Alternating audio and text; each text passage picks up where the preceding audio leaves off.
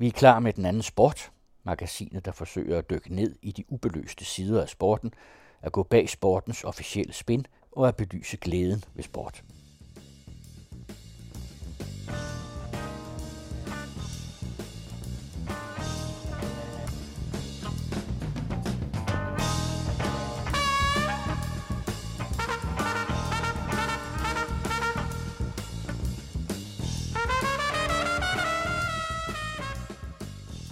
Velkommen til den anden sport på den anden radio. Mit navn er Søren Riskær. Og jeg hedder Lars Andersen. Vi har denne gang inviteret DGI's formand, Charlotte Bak Thomasen, i studiet. Charlotte blev valgt til ny formand for DGI for cirka et halvt år siden. Og vi skal snakke om, hvordan det er at overtage øh, formandsposten efter 17 år med samme formand. Og så skal vi gøre status på den stort anlagte idrætspolitiske mission Bevæg for livet. Velkommen og tillykke med formandsvalget. Tak for det. Du overtog øh, formandsposten efter Søren Møller, som var en stærk og meget markant formand og har sat sit meget, meget store præg, både på DGI, men også på dansk idrætspolitik, i, som sagt i 17 år. Hvilke overvejelser gjorde det dig egentlig, da du besluttede at, at stille op og så også blev valgt? Jeg har gjort mig mange overvejelser, og måske også forskellige overvejelser i forskellige faser det er ved at være lang tid siden, at, øh, at jeg sådan blev gjort opmærksom på, at Søren var på vej til sådan at skulle forlade organisationen. Og der tænkte jeg jo, hold da op. Kunne det virkelig blive mig? Så kunne det jo være helt fantastisk. Og der er det jo sådan lidt forestillingen om, hvad det er, det giver kan, og hvad det er, det har betydet for mig og for rigtig mange andre mennesker, som sådan står forrest. Ikke? Og så jo nærmere man kommer et, øh, et valg, og at det bliver muligt realiserbart, så er det jo også øh, nogle andre detaljer, der dukker op i forhold til, hvad er det give for en organisation? Hvilke knapper kan man øh, justere på? Hvor kan man bevæge organisationen henad? Så der har været mange overvejelser i spil, og jeg har jo stadigvæk rigtig mange overvejelser, fordi at jeg har det her halve år på banen nu. Noget, jeg faktisk ikke har tænkt så meget over, det er, at Søren har siddet der i 17 år. Altså, mm. det har ikke fyldt så meget i min optik. Jeg har været med i organisationen på den ene eller den anden vis under øh, Sørens formandskab og fulgt ham så det har jo sådan ligesom været et vilkår. Men, men har du følt, altså fordi han har jo sat sit meget markante præg på, mm. også internt på kulturen, at mm. der var nogle ting, der var nødvendige at gøre op med i den kultur? Nej, det tænker jeg sådan set ikke. Jeg har ikke sådan haft overvejelse over, at det her skal jeg sætte en stopper for, og det her skal jeg øh, sætte i, i søen af nyheder. Jeg tror mere, at jeg har sådan en tilgang af, at, øh, at der er nogle ting, vi kan justere på som organisation, og, og at det kommer øh, mere eller mindre jo også... Øh, ret meget af sig selv, fordi jeg er ikke Søren. Jeg er en helt anden øh, person, og jeg har nogle andre præferencer, og, og jeg har et andet blik på organisationen og, og det, vi skal i fremtiden. Så nej, jeg har ikke sådan haft øh, sådan en, en revolutionær tilgang til det at blive formand. Jeg overtager jo en, en organisation, som er i topform, og som virkelig har, øh, har styr på sit gods, hvis man kan sige det. Og så er der nogle helt oplagte øh, dagsordner, som kan sættes nu, og som jeg synes, vi er forpligtet til at, øh, at i tale sætte og tage os af. Du snakker om justeringer. Hvad er din vision for DGI mm. i fremtiden? Jamen altså, min vision øh, for DGI er jo, at vi bliver ved med at være lige så attraktiv en samarbejdspartner, som jeg synes, vi er i dag, men gerne øh, mere tydelig, end vi måske har haft tradition for at være. Altså, DGI er jo en, en ydmyg størrelse, og det kan jeg egentlig også rigtig godt lide. Øh, jeg opfatter mig egentlig også mig selv som en forholdsvis øh, ydmyg formand. Men vi har en rigtig stærk platform at kommunikere ud fra. Altså vi, vi vil jo noget ude i de lokale idrætsforeninger, og det giver vil noget med det at være idrætsforening. Og, og det tror jeg, at øh, det kan vi godt blive tydelige omkring. Men hvordan tydelig? Hvad, hvad mener du med det? Nå, men der er mange gode eksempler, tror jeg, øh, på det. Altså et, et godt eksempel er jo, øh, at vi vil noget med børn og unge. En beslutning, vi tog i forbindelse også med, med formandsvalget i november. Øh, og DGI har altid været en børne- og ungdomsorganisation. Men måske har øh, voksenmotionisterne været trukket rigtig meget frem de seneste år, fordi der var en oplagt mulighed for at sætte fokus på voksenmotion. Det er også det bevæg, der for livet fortrinsvis handler om. Og der synes jeg, det er rigtig stærkt, at vi går ind og siger i DGI nu, jamen vi er der også for børn og unge, og det er helt afgørende, at børn og unge oplever det at være en del af et foreningsfællesskab. Hvilket jo er udfordret med nogle af de tendenser, vi ser i samfundet, både i forhold til urbanisering, kommercialisering, digitalisering. Og det synes jeg, det er sådan et meget godt eksempel på, at, øh, at vi vil jo noget med den DNA, vi bærer rundt på EDG. Men justeringer, hvad er det mere konkret? Hvis du organisatorisk, et jamen et, et godt organisatorisk eksempel på justeringer, det er, at vi skal have noget tydeligere vægt på, hvad det er for en rolle, vores landsdelsforeninger spiller ind i organisationen. Øh, for mig at se det helt afgørende, at vores medlemsforeninger er omdrejningspunktet. Og dem, der er der tættest på vores medlemsforeninger, det er vores landsdelsforeninger. Vi er så heldige at være geografisk øh, organiseret i DGI, så vi kan arbejde med alle vores idrætter ud lokalt og være rigtig tæt på lokalt. Og det er en kæmpe styrke for mig at se. Der skal vi måske lige der forklare vi, lytterne, ja. at DGI, der er 14 landsdelsforeninger. Det er der. Som jo organiserer de lokale idrætsforeninger. Yes. Og det er en, en struktur, der er modsat det andet idrætsforbund, Danmarks Idrætsforbund, hvor man har specialforbund, altså hvor man har en form for vertikal organisering, så er DGI horisontalt organiseret. Yes. Og der vil jeg rigtig gerne justere på den knap, der hedder at sikre en øget decentralisering. Vi skal som landsorganisation sikre koordinering, vi skal binde os sammen på tværs af den her geografiske opbygning, vi har. Men vi skal ikke overse, og vi må ikke overse, at vores lokale idrætsforeninger, de er medlem lokalt af vores landsdelsforening. Og der skal vi have fokus de kommende år på at sikre, at vi har øh, det helt rette setup for at kunne være så tæt på vores idrætsforeninger, så tæt på vores kommuner som samarbejdsaktører øh, øh, som overhovedet muligt. Det var jo et tema, da du fik formandsposten i valgkampen op til, der var, der var et kampvalg om formandsposten. Mm. Det her med, med en øget decentralisering. Mm. Altså DGI er jo en stor organisation med 1,6 millioner medlemmer og en omsætning på en 500-600 millioner. Betyder det, at der skal sådan flere ressourcer ud til det decentrale led? øh, flere medarbejdere derud og færre på det centrale led? Jamen, jeg tror, vi vil se, og, og det er jo en dialog, vi er i gang med nu, og det er jo noget, vi er grundigt omkring, fordi vi flytter ikke bare rundt på opgaver og ansvar, blot for signalets skyld. Vi er inde nu og analyserer og er i gang sat en større evaluering i organisationen af, hvor er det, vi skaber mest værdi med de opgaver og det ansvar, vi løfter. Og der tror jeg, vi kan regne med i fremtiden at se, at der er flere opgaver og flere ressourcer, der går ud i vores landstilsforeninger.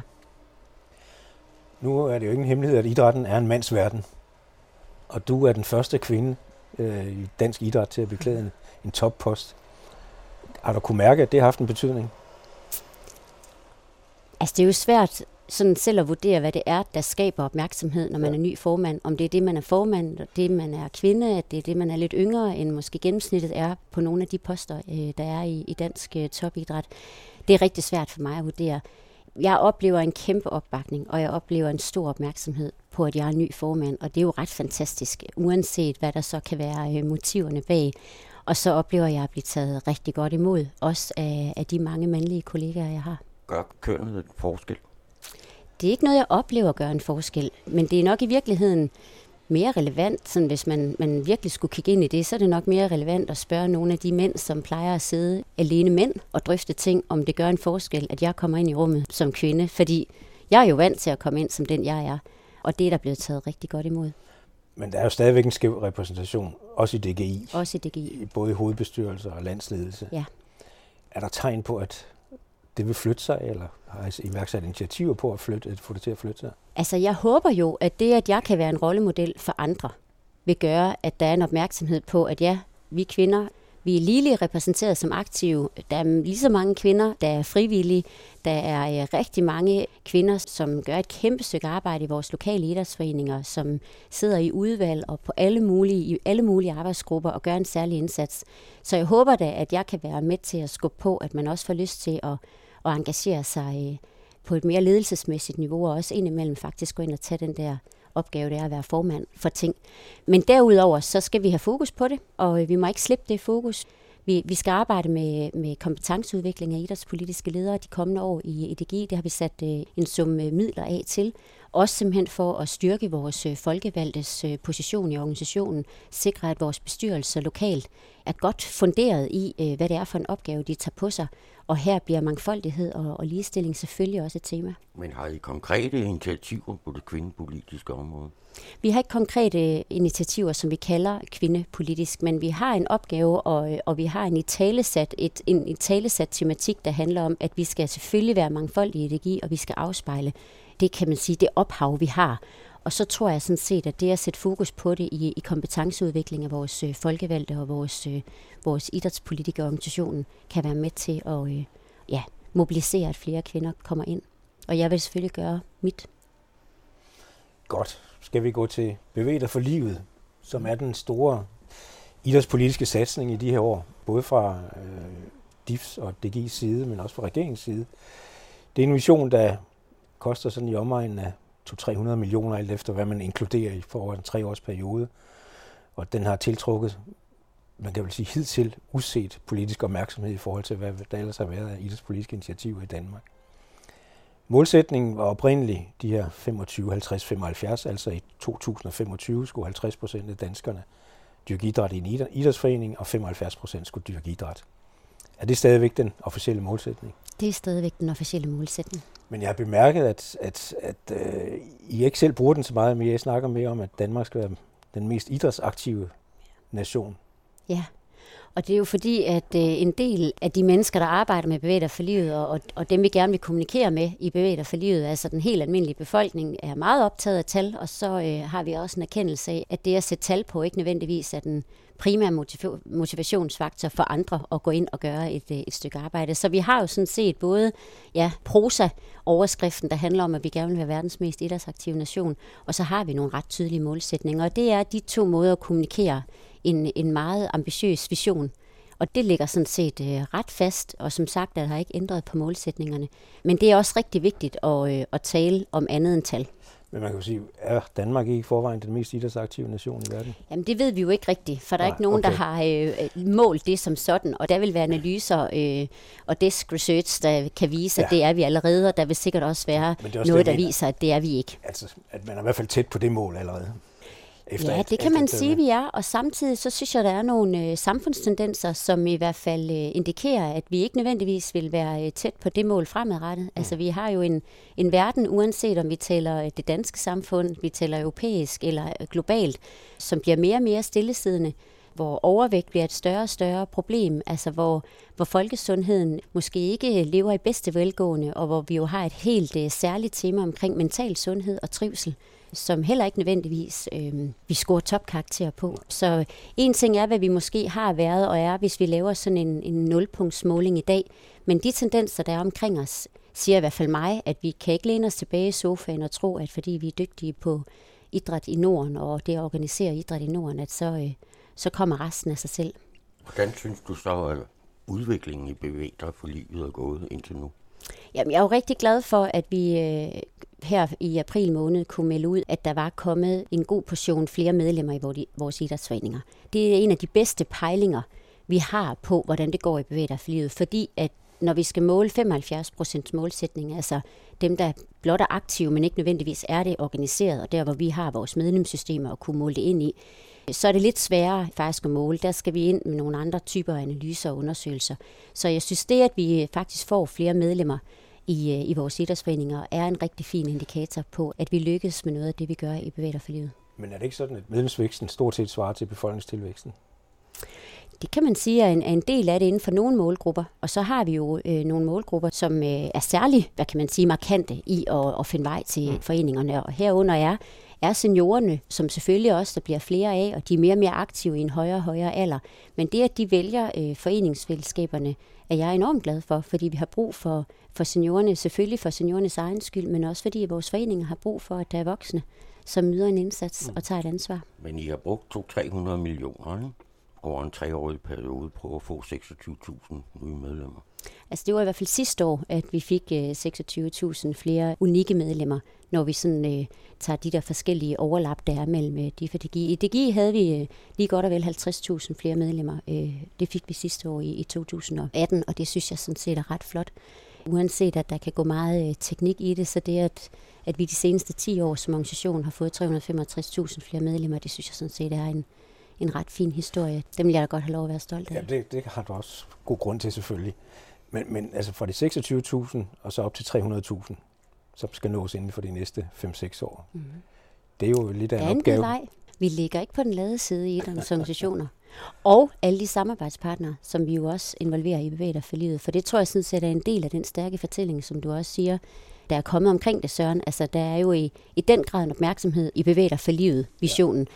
fra alle steder. Og det er faktisk øh, ret afgørende, tror jeg, for at vi når og, og nærme os øh, og nå de målsætninger i 2025, det er sådan set, at der er mange flere end lige DIF og DGI og, og foreningerne, usual suspects, hvis man kan sige det, som arbejder ind i det her felt. Det er kommuner, det er samarbejdspartnere, det er andre organisationer, mm. vi skal aktivere. Men er det den rigtige vej, gået, eller kunne man forestille sig, at der blev lavet en revurdering af, hvilken strategi man brugte for at nå det mål? Altså man kan sige, vi jo, igen justerer vi jo, når vi kan se, der er brug for at justere. Og det var helt naturligt, da man satte bevæger for livet i gang, at starte med vores egne idrætter, altså vores egen hjemmebane, og sige, hvad er det, vi kan inden for nogle helt traditionelle idrætsfællesskaber? Hvad er, hvordan kan vi udvikle håndbold? Hvordan kan vi udvikle øh, fodbold? Hvordan kan vi udvikle badminton, tennis, som rigtig mange mennesker har en relation til? Hvordan kan vi udvikle det, sådan at man fortsætter med at dyrke den type idræt, når man ikke længere vil gå til turnering og konkurrence? Så det var naturligt for os, og samtidig så vil jeg sige, at lige nu er vi jo meget optaget af netop, hvordan er det partnerskaberne skal spille godt ind i vores øh, bevægelse, sådan at vi får øh, 75% målsætningen langt mere i spil, end hvad vi jo øh, normalt tiltrækker i den traditionelle idrætsforening. Men der har for eksempel været en markant medlemstilbagegang fra de 13 til 24 år, især blandt drenge. Mm. Det må da bekymre dig en del. Det bekymrer især mig. når man samtidig har taget e-sport ind, som mm. typisk er en drengesport. Ja. Jamen det bekymrer mig, og, og det er jo også derfor, at vi har sat en børne- og unge-indsats i gang i DGI. Bevæger for livet er jo primært de ældste unge og de voksne motionister, som er omdrejningspunktet. Og så har vi en forpligtelse i, i, i DGI for os at arbejde med børn og unge, og sikre, at børn og unge fortsat vælger at være en del af en idrætsforening. Og ja, der er et stort frafald på unge, og det har vi oplevet i rigtig, rigtig mange år, og vi må sige, at vi har ikke eh, knækket koden, men det skal ikke afholde os fra fortsat at arbejde med det, og se, om vi ikke godt kan tilbyde vores unge nogle idrætsfællesskaber, som i den grad giver mening for dem. Men hvis vi går lidt dybere ned i talen, ikke, så kan vi jo se netop nogle af de der idrætsgrene, der har været satsningsområder, altså løb og cykling har egentlig direkte tilbagegang. Øh, håndbold og badminton, de sådan udligner stort set hinanden. Der har været nærmest stagnation. Så har der været fremgang i svømning og i fodbold. Men, men altså, når man har offret så mange ressourcer på en, for eksempel løb og cykling, men også øh, badminton og håndbold, og det, og det så ikke giver resultater, giver det så ikke anledning til at revurdere indsatserne? Jamen det giver hele tiden anledning til at vurdere indsatserne. Og er der brug for at revurdere, så gør vi også det. Altså, det, det er sådan lidt uh, populært svar på det, du spørger om, kunne jo også være, hvordan ville det ikke have set ud, hvis ikke vi havde investeret i det her? Mm. Altså, havde vi så oplevet en kæmpe tilbagegang i nogle af de idrætter, som har haft det svært de senere år, hvor vi trods alt må sige, tennis på vej frem, badminton, de går ikke længere tilbage, håndbold er måske ved at finde et godt stabiliserende niveau. Men det er da klart, at vi skal da hele tiden arbejde ind i at blive klogere på, hvorfor er det, man vælger nogle idrætter og ikke nogen andre. Hvad er det, der er for en kultur i vores idrætsforeninger og i vores idrætter bredt set, som imødekommer, at flere kommer ind, men også imødekommer, at man ikke falder fra. Og der tror jeg, at vi har en, en stor opgave i de enkelte organisationer, og alle, der egentlig arbejder med børne- og ungeidræt, i at få øh, tilpasset os øh, den børne- og ungekultur, som efterspørges i dag. Det skal vi nok lige vende tilbage til det her med børn og unge. Jeg kan godt spørge, fordi en anden idrætsgren, som er i, også i tilbagegang, det er jo gymnastik, som er klassisk DGI-aktivitet, nærmest en kerneopgave i, mm. i DGI. Er der en krise i, i den klassiske danske gymnastikkultur? Nej, der er ikke en krise. Ikke for mig at se. Der er et, øh, et, en, en lille medlems øh, tilbagegang. Over en på, årrække har der været en på, tilbagegang. Jo, og samtidig så kan man se, at, at øh, det, som også er fostret i den klassiske gymnastik, netop foreningsfitness, brager mm. derudaf. Ja. Så jeg er ikke bekymret på nuværende tidspunkt. Jeg tror stadigvæk, at det er... Øh, som det måske i virkeligheden altid har været, så har det været bestemte typer af gymnastik, man bliver tiltrukket af i forskellige aldersgrupper. Og der er ingen tvivl om, at, at fitnessdelen, den har i den grad fat i den voksne og, øh, og ældre målgruppe. Hvorimod at øh, den traditionelle børnegymnastik, øh, den traditionelle folkelige gymnastik, trives jo i, i, i bedste velgående blandt vores øh, børn og, og unge. Mm. Så kunne vi godt tænke mig at vende tilbage til det her med, med netop med børn og unge, fordi øh, vi ser, nu har DGI har valgt at lave en, en ret markant satsning på det, fordi man fik nogle penge i overskud, kan man sige, ved en omlægning af regnskabsår. Det er noget teknik, vi bør gå ind i. Ja. Øh, men DIF er også begyndt at øh, lave øh, nogle initiativer. DBU har iværksat nogle initiativer over for skolen. Hvordan kan det være, at, at organisationerne nu begynder hver for sig igen at nærmest konkurrere om at, at lave initiativer på de her områder, i stedet for at samle kræfterne, for eksempel inden for bevæget for livet? Jamen, det er et meget godt spørgsmål. Altså, jeg oplever ikke, at, at vi som sådan modarbejder hinanden, men vi kan godt ske at have et lidt forskelligt take på det arbejde med børn og unge. Det skal der jo også være plads til. Ja, ja, men som jeg øh, hører i hvert fald kommunerne, så er de jo meget glade for at bevæge for livet, netop fordi så er man fri for det her, man får henvendelser fra konkurrerende idrætsorganisationer, og skal til at tage politisk stilling til, hvem skal man vælge den ene frem for den anden. Jo, og vi øver os jo også i, øh, når vi arbejder med kommuner, og det skal kommuner øh, helst også opleve, selvom at børn og unge ikke deciderer en indsats i, i bevæger for livet, så skal kommunerne gerne opleve, at når de efterspørger støtte, opbakning, samarbejde med de to idrætsorganisationer inden for skoler og inden for børnehaver, at så er vi ret koordineret og kan hjælpe kommunerne med at finde den bedste løsning inden for den ene eller den anden mm. organisation, afhængig af behovet. Men vi er, vi er forskellige. Øh, selvfølgelig er vi det som, som organisationer, og det tror jeg, de fleste, der i hvert fald har været øh, tæt på os, øh, vil jo vide, at, at vi er to forskellige organisationer. Det, der er rigtig fint med Bevæger for livet, og som jeg heller ikke vil afvise, kan have afsmittende effekt på andre områder, det er jo, at vi har fokus på opgaven, vi har fokus på målgruppen, og så prøver vi at rette strukturen ind efter det. Og der er der ingen tvivl om, at når det giver mening at, at arbejde på børn og unge, jamen så vil vi også se, at, at det kan vi også gøre. Men det er ikke der, vores øh, fokus er i samarbejdet lige nu. Mm. Og det kunne ikke styrke indsatsen, om man så må sige, hvis man samarbejder om det, i stedet for at lige komme med konkurrerende tilbud? Jo, det kunne måske godt styrke indsatsen, men der er vi jo mindre disciplinorienteret i DGI, hvis man kan sige det på den måde. Altså, vi har en, en bred interesse i, at øh, børn og unge oplever at være idrætsaktive. Og som formand for DGI, så er jeg faktisk mindre interesseret i, om de ender med at gå til fodbold, eller spille badminton, eller, øh, eller gå til svømning. Hvor øh, der kan godt være en interesseforskel, hvis du sidder som formand i et specialforbund. Så har man nok inden for øh, gymnastik, øh, tennis, svømning, hvad det måtte være, en særlig interesse for, at det er der, børnene havner. Og der er vi lidt forskellige i vores opbygning og i vores øh, tilgang. I virkeligheden ønsker jeg jo, at børn bliver så alsidige som overhovedet ja. muligt, mm. og ikke nødvendigvis vælger en specifik idræt, i en alt for tidlig alder. Jeg vil godt vende lidt tilbage til bevæger for livet. Øh, hvis I ser på medlemstallene, så er der markante tilbagegang i det, man kalder udkants Danmark. Hvor hvis man ser på en social analyse af udkants Danmark, så er det mange fra de lavere sociale klasser, der bor der.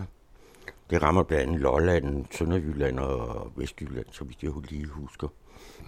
Er man i virkeligheden på vej til at tabe en befolkningsgruppe? også i bevægelser for livet? Det gør vi jo alt for ikke at være på vej til. Altså jeg synes, vi arbejder meget målrettet med at lave tilbud og etablere tilbud for lige præcis grupper i vores øh, samfund, som ikke naturligt finder vej ind i idrætsforeningen. Vi har jo som samfund en kæmpe udfordring i, at folk flytter ind mod byerne. Og måske har vi slet ikke opdaget den, eller oplevet den urbanisering endnu i Danmark, som kunne ske at være på vej, i hvert fald hvis vi ser rundt i andre europæiske lande. Så vi har en kæmpe udfordring der. Det vi synes jeg kan være meget øh, stolte af i DGI, men også øh, skal holde rigtig meget fast i DGI, det er, at vi er til stede alle de steder, hvor ja, børn, unge og, og voksne lever og bor. Og det er faktisk i dag øh, lidt en udfordring, når øh, først brusen lukker, mm. og så lukker skolen, og så bliver det faktisk rigtig hårdt for idrætsforeningen at holde fast. Der skal vi som organisation være klar til at støtte og bidrage og sikre, at ja, der er fortsat et foreningsliv. Fordi ellers så er det jo, at vi får de her huller rundt i Danmark, hvor det bliver enormt lidt attraktivt at bo og leve. Og jeg synes også, at vi har glimrende eksempler. Vores landsbyklynger er jo et af de indsatser, vi arbejder meget målrettet med i det regi Men vi ser jo også alle sammen de der eksempler på landsbyer, der i den grad blomstrer op. Og ved at have et aktivt kultur- og fritidsliv, så tiltrækker de faktisk også ressourcestærke borgere. Og det skal vi blive ved med at have fokus på. Er kernen i bevæger for livet og det hele taget de to organisationers idrætspolitiske indsats, det går ud fra, at det stadigvæk er sådan den kulturpolitiske opgave og, og den folkeoplysende indsats. Det er det. Men, men da jeg overvejede i hvert fald noget af idrættens topmøde, som var inviteret af, af jer og regeringen, der havde jeg svært ved at få øje på det. Altså det handlede mere om sociale indsatser og sundhedsindsatser. Jeg bemærkede sågar, at, at øh, sundhedsministeren sagde, at nu iværksætter man det her initiativ med motion og fællesskab på recept, og hun omtalte fællesskabet som det lille ekstra krydderi. Altså det var i hvert fald tydeligt i, i hendes øjne, øh, handler det ikke om kulturpolitik. Nej, og det er jo øh, igen, når man står med en ressortminister, så ja. er der jo en dagsorden. Og heldigvis har vi et øh, civilsamfund, der kan spille for, øh, på flere tangenter, og det skal vi da bruge en hver anledning til at fortælle, at vi kan gøre. Fordi fællesskabet er det, der starter det i DGI, og man kan sagtens være både øh, folkesundhedsvenlig og folkeoplysende på én gang. Altså det er for mig øh, øh, fuldstændig afgørende, men også åbenlyst. Så øh, der må vi jo navigere ind i den kontekst, vi arbejder i, ja. og, øh, og vi hører hjemme i, i, i det kulturpolitiske. Det er der, vi har vores indgang, når vi snakker sådan national politik, men også rigtig mange steder ude i kommunerne. Der er det der, vores foreninger hører hjemme som, som en del af folkeoplysningsrammen og loven. Men, men det skal jo ikke afholde os fra også at byde ind på sociale indsatser, apropos øh, Lars, dit tema før, men, og, og i den grad der også øh, på sundhedsindsatser, fordi der kan vi da noget. Altså igen, den mentale sundhed, som jeg tror, vi kommer til at arbejde meget mere med i årene fremover, den tager jo som udgangspunkt afsæt i, at vi har et fællesskab først og fremmest. Bare det, at vi er sammen med andre mennesker, så er vi allerede rykket et step op på øh, den mentale sundhedsstige. Og så kan vi fylde alt muligt på. Vi ser det med e-sporten. Vi møder børn og unge der, hvor de er, i de interessefællesskaber, vi har, og så bygger vi mere på. Så øh, fællesskabet er der i den grad udgangspunktet. Og så kan vi øh, tilsætte noget mere krydderi, hvis man skulle bruge det med omvendt fortegn. Det er sagt med et lille skævt smil. Der er ingen tvivl om, at, at øh, Bevæge for livet er en, en stor opgave i øjeblikket i organisationerne, men, men ser du andre store opgaver og udfordringer, der tegner sig her i de kommende år i, i, med dig som formand? Jamen det gør jeg da, altså, men de kan jo godt være beslægtet med Bevæg dig for livet. Altså som sagt, det her med at sikre, at vores unge ikke frafalder i, øh, i den grad, vi har oplevet gennem de sidste mange år, men tilvælger aktive fællesskaber. Det er godt ske, det ikke er inden for den traditionelle idrætsforening, som vi kender det i dag, men det er andre typer af, af ungdomsfællesskaber, der hvor de måske i forvejen bruger rigtig meget tid, deres uddannelsesinstitutioner som eksempel. Det, at vi i de største byer, hvor folk jo flytter ind, og hvor man slet ikke kan følge med på idrætsfaciliteter, det er, at vi kan tilbyde, at forældre kan få deres børn til helt traditionel klassisk øh, idræt, som de efterspørger. Kæmpe udfordring, fordi der er jo ikke pladsen til det, og der er heller ikke nødvendigvis øh, frivillige hænder nok i vores store byer. Så det er da en kæmpe udfordring. Så har vi jo øh, de der tendenser, vi lidt har været inde på, altså omkring øh, digitalisering. Vi skal jo sørge for at balancere det øh, på fornuftig vis. Tage alt det gode fra den digitaliseringsbølge, vi oplever med ind og udvikle foreningslivet, og samtidig holde mega stedig fest på, at det at mødes i det fysiske rum, det er sgu godt for os mennesker. Og det kan noget andet.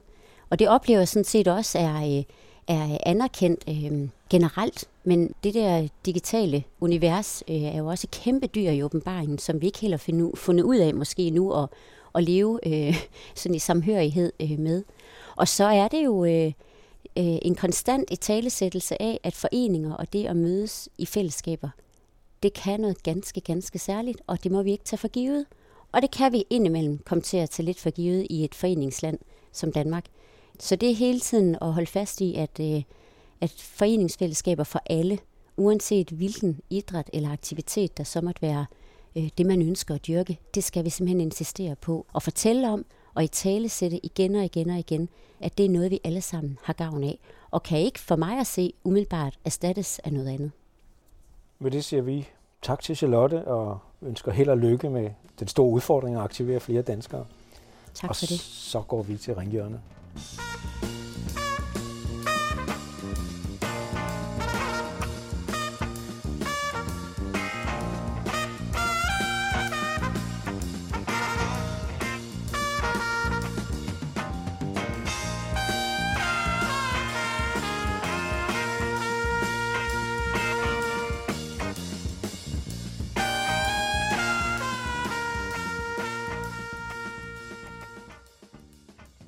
så har Lars og jeg sat os i ringhjørnet for at prøve at vende nogle af de aktuelle idrætspolitiske spørgsmål.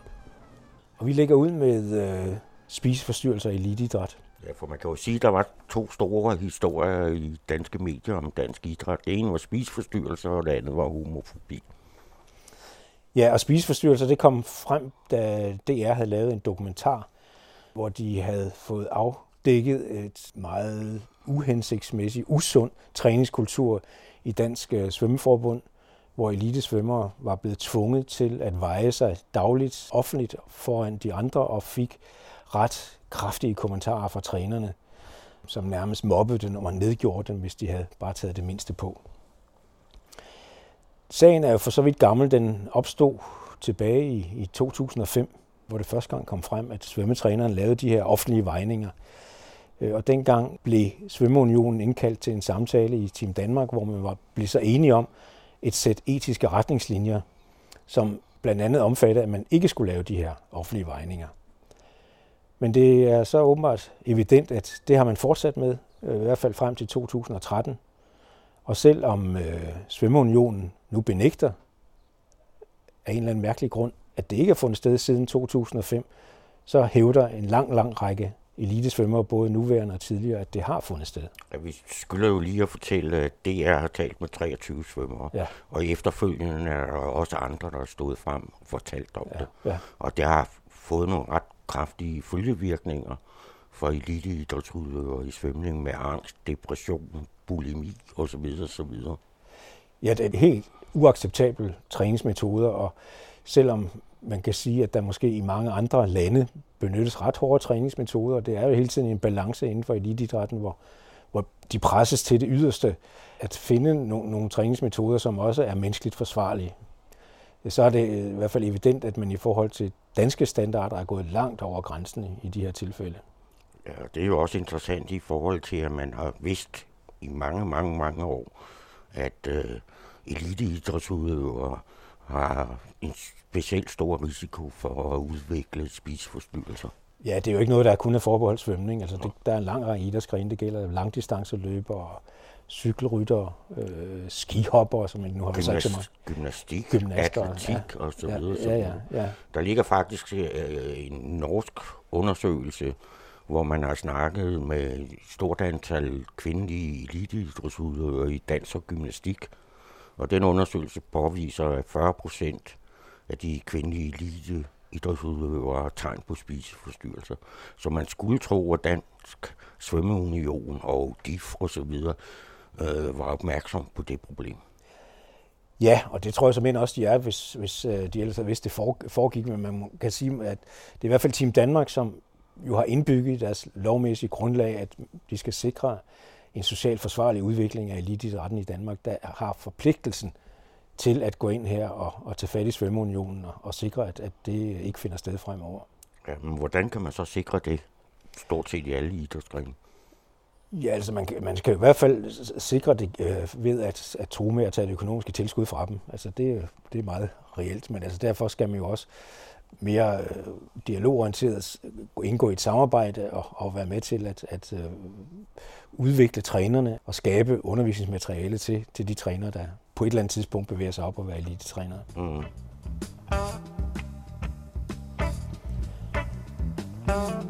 Så er der homofobi i fodbold. Ja, det var jo også en stor sag.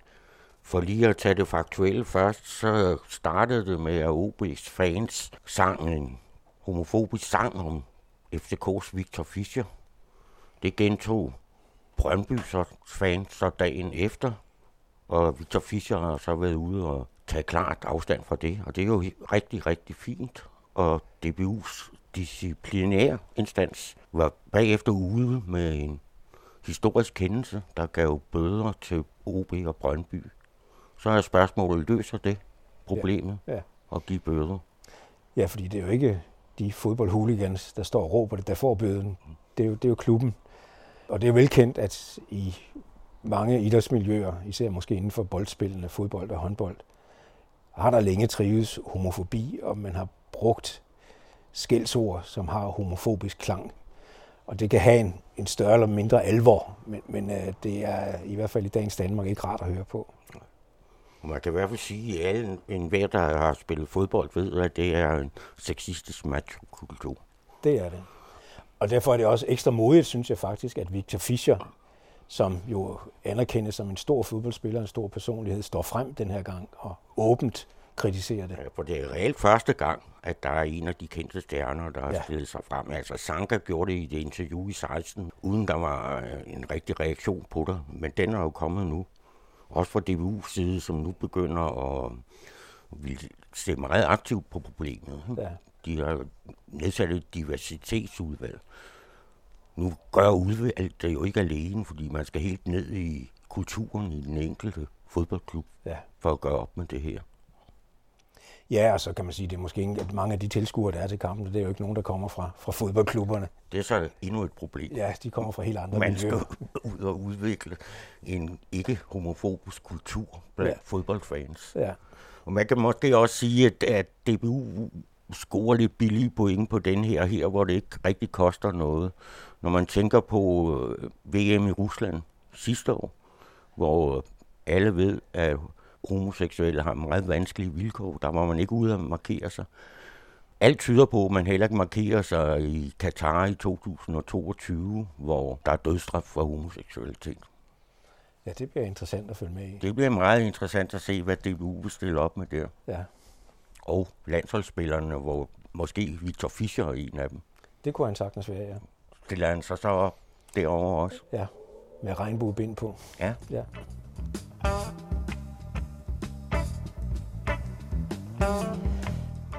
Det sidste, vi vil vende, det er e-sport.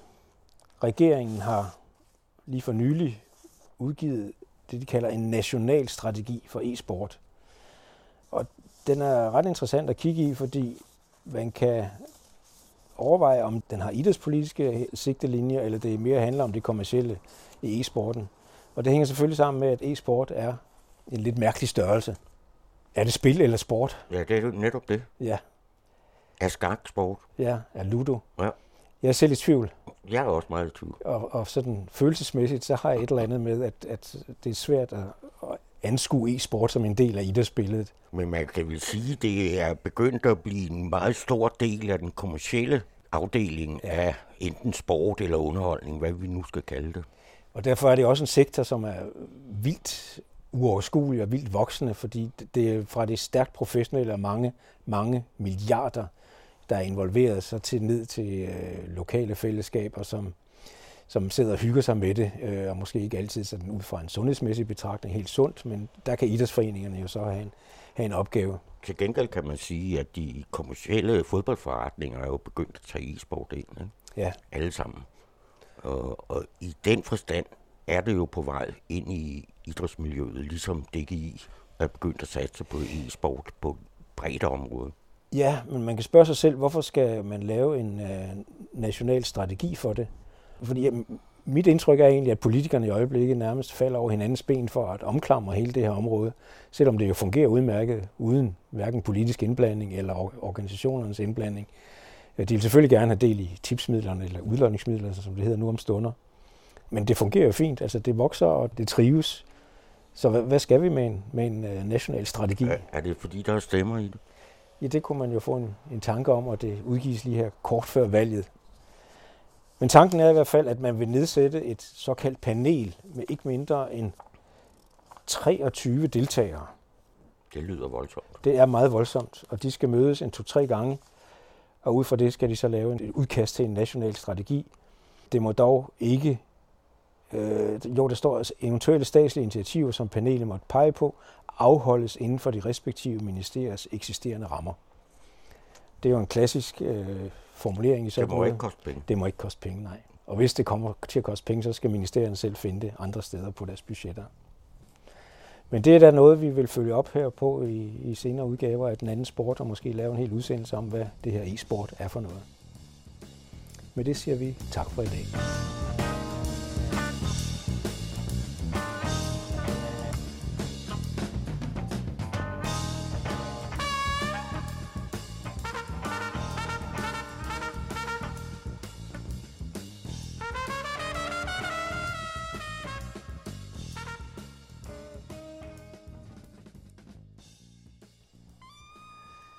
Charlotte Bak Thomasen, den nye formand for DGI, var gæst i studiet hos Søren Riskær og Lars Andersson.